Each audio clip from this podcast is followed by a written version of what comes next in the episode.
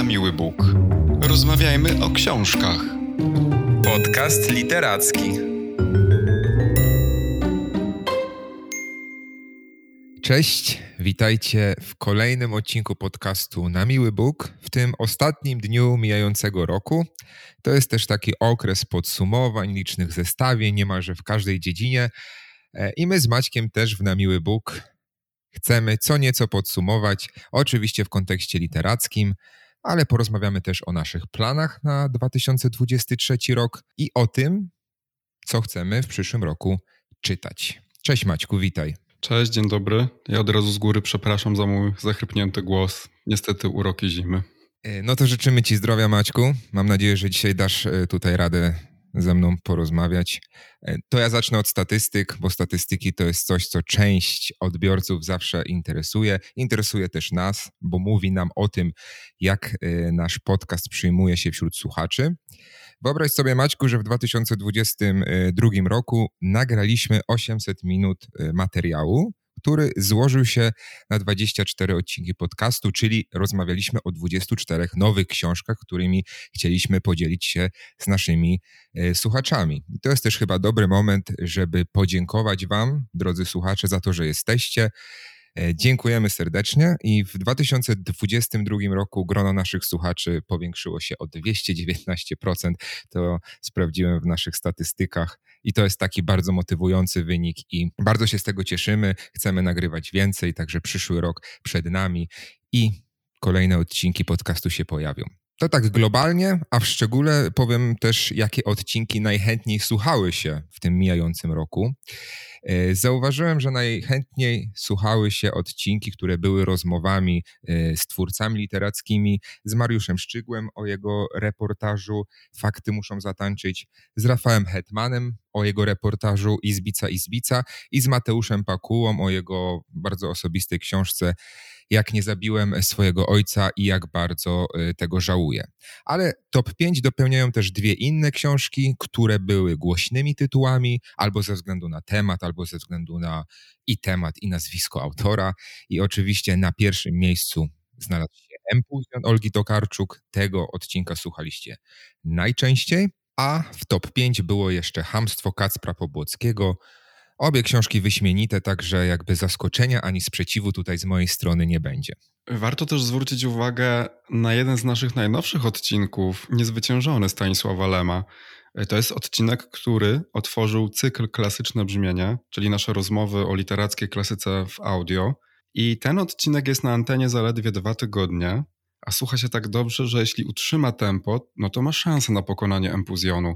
Zresztą ja zauważam jakiś głód lema w narodzie, bo naszym odcinkiem wszechczasów niezmiennie są dzienniki gwiazdowe, o których rozmawialiśmy dwa lata temu. To był odcinek 21.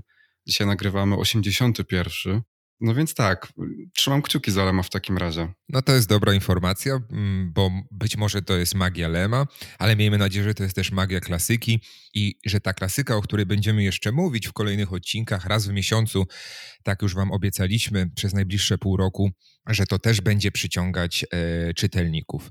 E, Maćku, skoro jeszcze mówimy o tym mijającym roku, które książki zrobiły na nas e, największe wrażenie. Ja tylko powiem naszym słuchaczom, że my nie wiemy, jakie książki e, będą w tym naszym zestawieniu top 5, top 3. Nie wiem, jak Maćku przygotowałeś to zestawienie. Natomiast e, mam swoje typy, co tobie się najbardziej podobało. Jestem ciekaw, czy to się sprawdzi. No dobra. Faktycznie umówiliśmy się przed programem, że każdy z nas przygotuje sobie takie zestawienie, ale nie mówiliśmy sobie tego nawzajem. Więc y, ja nie mam standardowego podium, nie mam top 3, bo wymyśliłem, że przygotuję no, takie trzy książki. Mam jedną książkę, która się wyróżnia i która była dla mnie najważniejszą lekturą tego roku, i jest cała reszta. Mm, ja pamiętam, że rok temu obiecałem sobie szukać nowych głosów i czytać książki z mniejszych wydawnictw, i to się udało. I to była też bardzo dobra decyzja, bo trafiałem głównie no, na same dobre książki i nie jestem w stanie ich uszeregować w związku z tym, bo mm, byłoby to dosyć karkołomne zadanie. Oczywiście jest kilka książek wartych wyróżnienia, mm, ze względu na jakieś tam różne kategorie, ale nie będę przyznawać konkretnych miejsc. Więc umówmy się, że zacznę od kilku książek, które chciałbym wyróżnić, a potem na końcu e, powiem ci, która jest ta number one. No jasne, słucham. Jedną z książek, które chciałbym wyróżnić jest Mariusz Szczygieł, Fakty muszą zatańczyć, bo to jest książka, która otworzyła mi oczy na reporterski warsztat. I ona poruszyła kilka kwestii, które mnie literacko bardzo, bardzo interesują, jak chociażby granica między prawdą a fikcją. I szalenie ciekawe były dla mnie wątki dotyczące Polskiej Szkoły Reportażu, która przecież no, nie cieszy się najlepszą sławą. E, to było niezwykle ciekawe dowiedzieć się, bo ja tego wcześniej nie wiedziałem właśnie, o tym, jak wyglądał reportaż e, w czasach PRL-u, że, że trzeba było maskować trochę to, co się naprawdę chciało powiedzieć, i gdzieś taki gen kreatywności w tych polskich reporterach i reporterkach został. To, to było niezwykle ciekawe. No i ponad wszystko to była oczywiście świetna rozmowa. Tutaj może tylko jeszcze dopowiem, bo trochę już o tym powiedziałeś, że to był e, przecież pierwszy rok, w którym mm, rozpoczęliśmy rozmowy z pisarzami i pisarkami i wszystkie te odcinki bym wyróżnił właśnie razem z, z Mariuszem Szczygłem. To może tylko przypomnę, że właśnie zaczęliśmy ten cykl truciznami Piotra Dardzińskiego i to był debiut.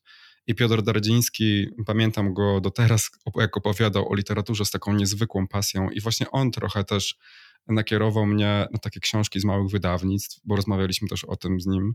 E, później Agnieszka Jelonek, Trzeba być cicho, która wspaniale opowiadała o, o braku komunikacji, właśnie o tym, czy granice języka wyznaczają granice świata i tak dalej.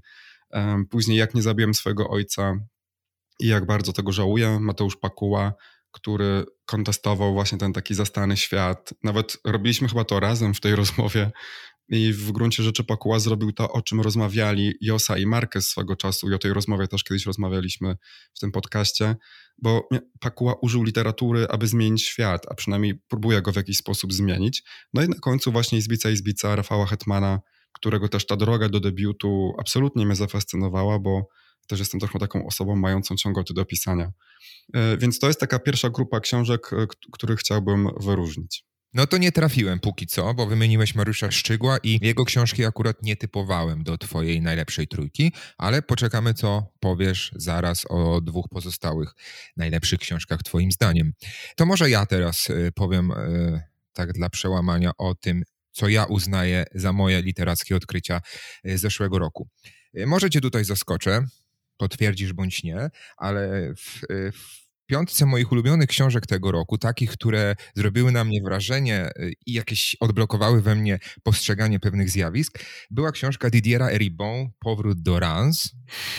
E, to jest w ogóle książka, która, mm, od której zaczęliśmy ten rok. To był pierwszy odcinek 2022 roku. Esej autobiograficzny, społeczno-polityczny, w którym autor e, wraca na prowincję z Paryża, gdzie się wychował i mierzy się z tym wstydem, który prawdopodobnie spowodowany jest jego robotniczym pochodzeniem. On próbuje to przeanalizować, rozwikłać, y, czym różnią się jego mm, dojrzałe już ambicje od tego, co wpoili mu rodzice. To jest takie przejście y, klasowe jednostki, właśnie z prowincji do miasta, ze środowiska robotniczego do elity intelektualnej Paryża. Bardzo ciekawa bardzo ciekawa analiza, którą też później podejmował Edward Louis w swoich książkach, o których mówiliśmy w podcaście, ale którą w zasadzie w tej literaturze francuskiej współczesnej zapoczątkowała tegoroczna noblistka Eni Erno, e, o której książce będziemy mówić, ale już w przyszłym roku. Także to jest taka trójca francuskich pisarzy, którzy na jeden temat e, piszą, pogłębiają go, patrzą jeszcze z innych kątów i dla mnie to jest zupełnie e, pochłaniające. A to nie trafiłem, również nie trafiłem. Nie podejrzewałem cię, że wybierzesz Ribon. E, to moją kolejną książką, która była dla mnie ważna w tym roku, to Przemieszczenie Margaryty Jakowenko, bo to jest książka bardzo osobista. Mogę powiedzieć, że przeżyłem ją na wielu poziomach. Odnalazłem w niej siebie, bo to jest książka o emigracji. E, ja też jestem emigrantem, od 10 lat nie mieszkam w Polsce i podzielam większość spostrzeżeń mm, autorki. Podzielam też e, dużą część jej doświadczeń. To też jest pierwsza książka, którą przeczytałem w języku hiszpańskim, mogę powiedzieć z pełnym zrozumieniem, ale to jest właściwie zasługą tego, że ta książka nie jest wybitnie trudna językowo. I to jest taka mm, powieść dla każdego, kto wyemigrował i zastanawia się, gdzie jest jego miejsce, mm, albo na przykład dla kogoś, kto wyemigrował i czuje się źle na obczyźnie, może się dowiedzieć z tej książki, że być może cierpi na syndrom Ulyssesa, który właśnie Jakowenko opisała i który zresztą został zdefiniowany w Hiszpanii, bo okazuje się, że to Hiszpania jest jednym z takich głównych e, celów emigracyjnych e, Europejczyków. Uważam, że warto sięgnąć po tę książkę, nawet jeżeli mieszka się w Polsce, a chce się po prostu poznać e, te mechanizmy i ten inny punkt widzenia. Tutaj nie, nie było dla mnie zaskoczenia. Tak myślałem, że przemieszczenie będzie książką, która e, znajdzie się w Twoim zestawieniu, no bo właśnie z tych względów e, personalnych będzie ważna i, i odczujesz ją po prostu bardziej. Moją kolejną książką jest Hamstwo Kacpra Pobłockiego. Tutaj nie ma chyba zaskoczenia dla ciebie, bo chwaliłem ci tę książkę bardzo e, często i mówiłem o niej w samych superlatywach. To jest tak, że im dalej spoglądamy w historię, tym częściej ją idealizujemy i właśnie w Hamstwie Kacper Pobłocki e, cofa się te 300-400 lat w polską historię i zrywa częściowo z mitem Polski szlacheckiej, odkrywa czasy pańszczyźniane na nowo. To jest zupełnie fascynująca opowieść, taka mozaika złożona z dostępnych źródeł, bo przecież o tych czasach nie wiemy tak, tak dużo, jakbyśmy chcieli, więc autorzy muszą trochę improwizować i ta improwizacja tutaj e, wyszła fantastycznie, bardzo innowacyjnie. Te czasy zostały przedstawione z nowej perspektywy i też zwracają uwagę na, na stosunek między panem a chłopem, który wydawać by się mogło dzisiaj nie ma już wielkiego znaczenia, a jednak prawdopodobnie ma i, te, i ta stygmatyzacja wsi, uprzedzenia do pewnych klas, do pewnych środowisk nadal pozostały i nadal kierują naszym y, życiem, naszym postrzeganiem. Także Kacper Pobłocki stworzył dzieło fantastyczne, które też bardzo y, polecam naszym słuchaczom. No tak myślałem właśnie. Mam tę książkę na takiej liście podejrzanych, które mogłyby ci się podobać, więc jest chyba jeden jeden. E, to teraz ta książka, która wyróżniała się dla mnie zdecydowanie i wybijała się ponad wszystkie inne i to jest Powrót do Rans Didiera Ribon. Dlatego się zaśmiałem, jak powiedziałeś, że, że to była jedna z ważniejszych dla ciebie książek. To nie jest oczywiście książka z 2022 roku, no ale to jest ta najlepsza przeczytana w tym mijającym roku.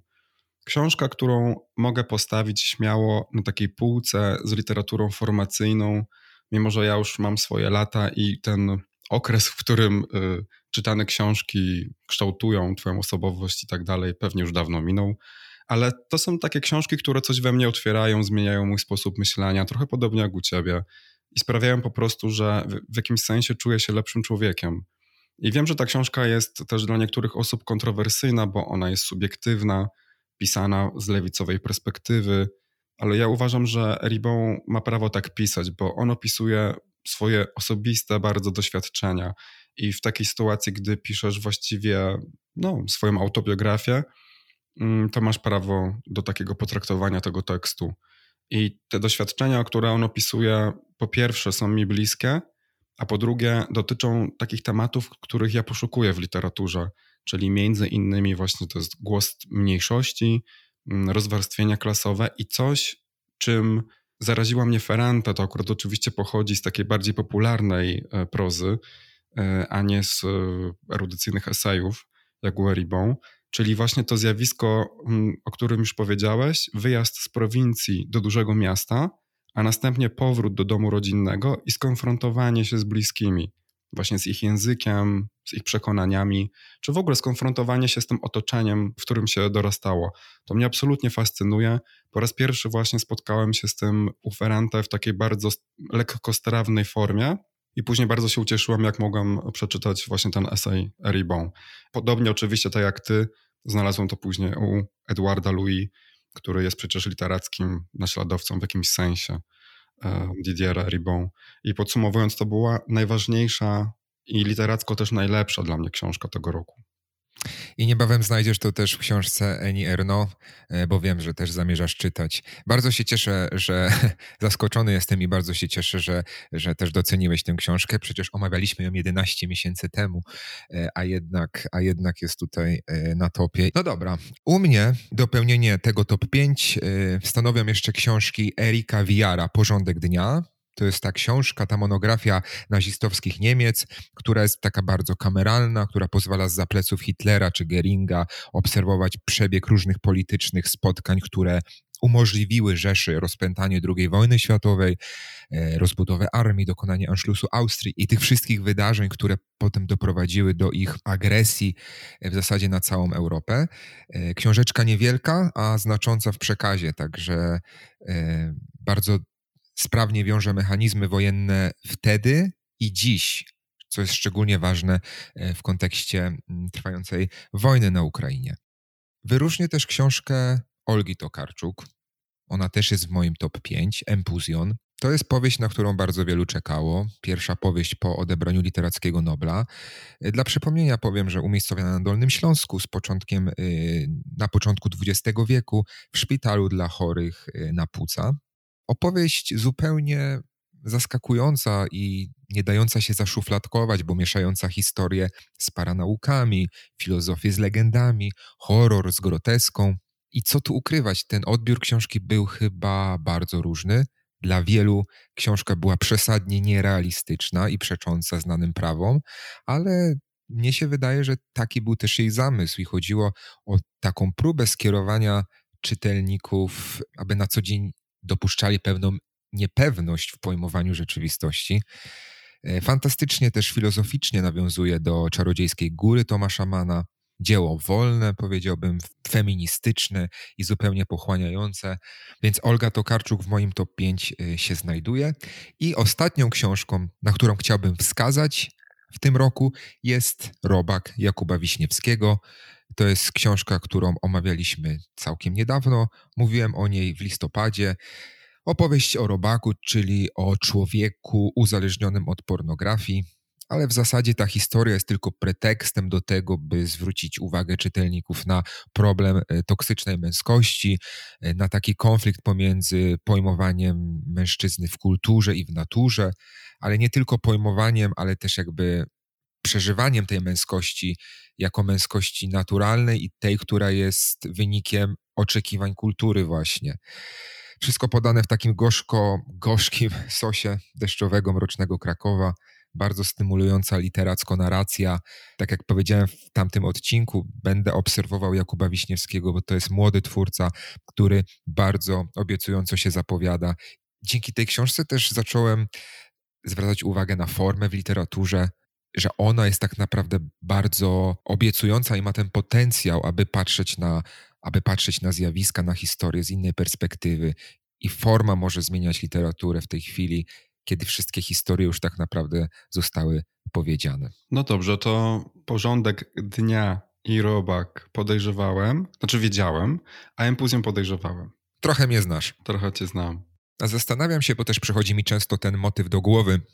Jakbyś miał globalnie spojrzeć na te dwa i pół lata tworzenia podcastu, to gdybyś miał z dzisiejszej perspektywy powiedzieć, po co w ogóle nagrywasz podcast, po co to robisz, to co byś powiedział?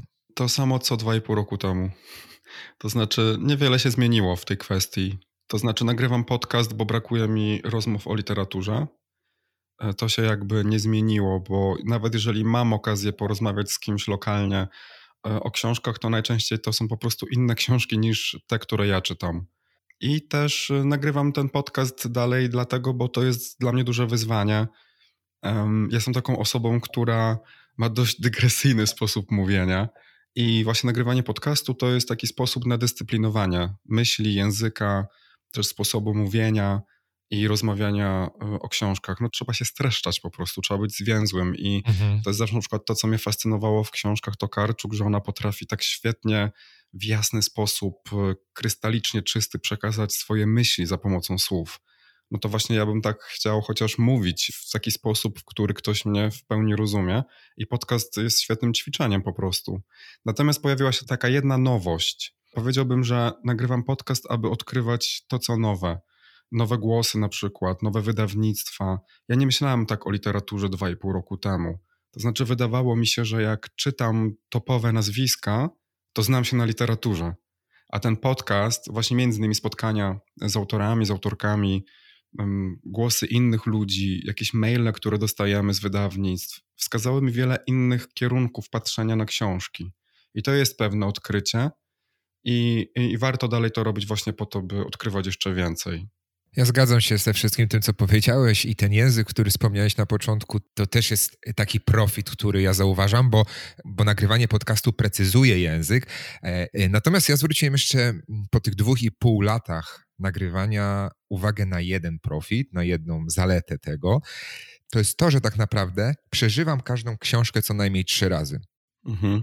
Przede wszystkim, kiedy ją czytam, później, kiedy przygotowuję się do odcinka i, i ostatni raz, kiedy rozmawiam z tobą. I to jest bardzo cenne w kontekście szerszego rozumienia danej książki, jak i całej literatury.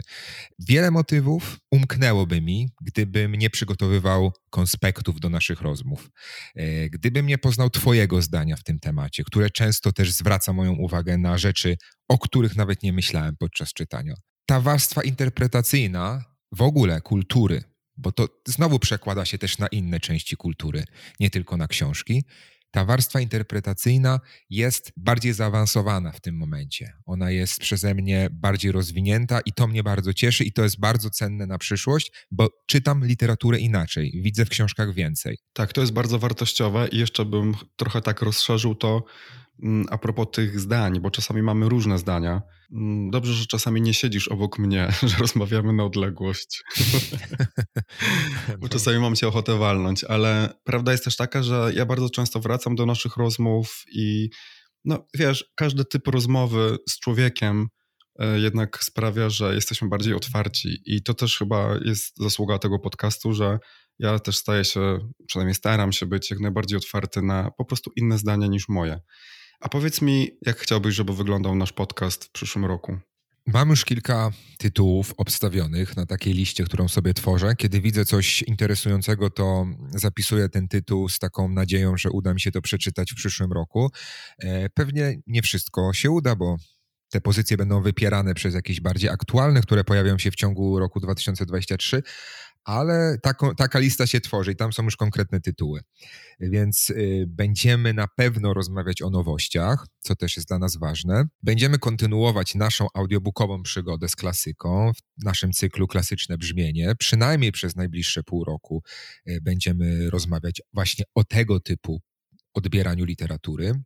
Mamy też tutaj, zdradzę, kilka pomysłów na rozmowy z autorami, bo jak statystyki mówią, interesuje Was to najbardziej, więc nie zamierzamy z tego rezygnować. Zresztą dla nas to też jest bardzo cenne, mieć tą możliwość e, rozmowy z twórcami, którzy są bardzo kreatywni, którzy zdradzają nam kulisy swojej pracy, swojego warsztatu, swojego pojmowania rzeczywistości. To jest naprawdę fascynujące i bez tego podcastu takiej możliwości pewnie byśmy nie mieli. Mam też taki osobisty plan na, na, na przyszły rok. Wyjazdy na targi książek. Y, tworzę sobie taki harmonogram tego, gdzie te wydarzenia w Polsce się odbywają i zamierzam trochę pojeździć po Polsce w przyszłym roku, bo te targi dają taką niezwykłą możliwość y, odkrycia masy interesujących wydawnictw, o których się wcześniej nie słyszało, ale też y, posłuchania autorów na żywo, zobaczenia ich. I ta cała atmosfera czytelnicza y, bardzo mnie pociąga, ja się w niej bardzo dobrze czuję. Możliwość rozmawiania z innymi czytelnikami o książkach, które się wspólnie przeczytało, to tak jak rozmowa z tobą Wrocławskie targi książki w moim mieście uświadomiły mi, jak ogromny potencjał w takich wydarzeniach tkwi dla kogoś, kto, kto czyta i kto pasjonuje się literaturą. No to jest w ogóle wspaniałe, bo ja oczywiście od dwóch lat próbuję dołączyć do ciebie, żeby jakoś wspólnie przeżyć jedno z takich wydarzeń. Na razie bez skutku, co akurat nam tutaj też utrudniają takie losowe przypadki, na przykład pandemia, ale e, może w przyszłym roku faktycznie się uda. Będę cię informował.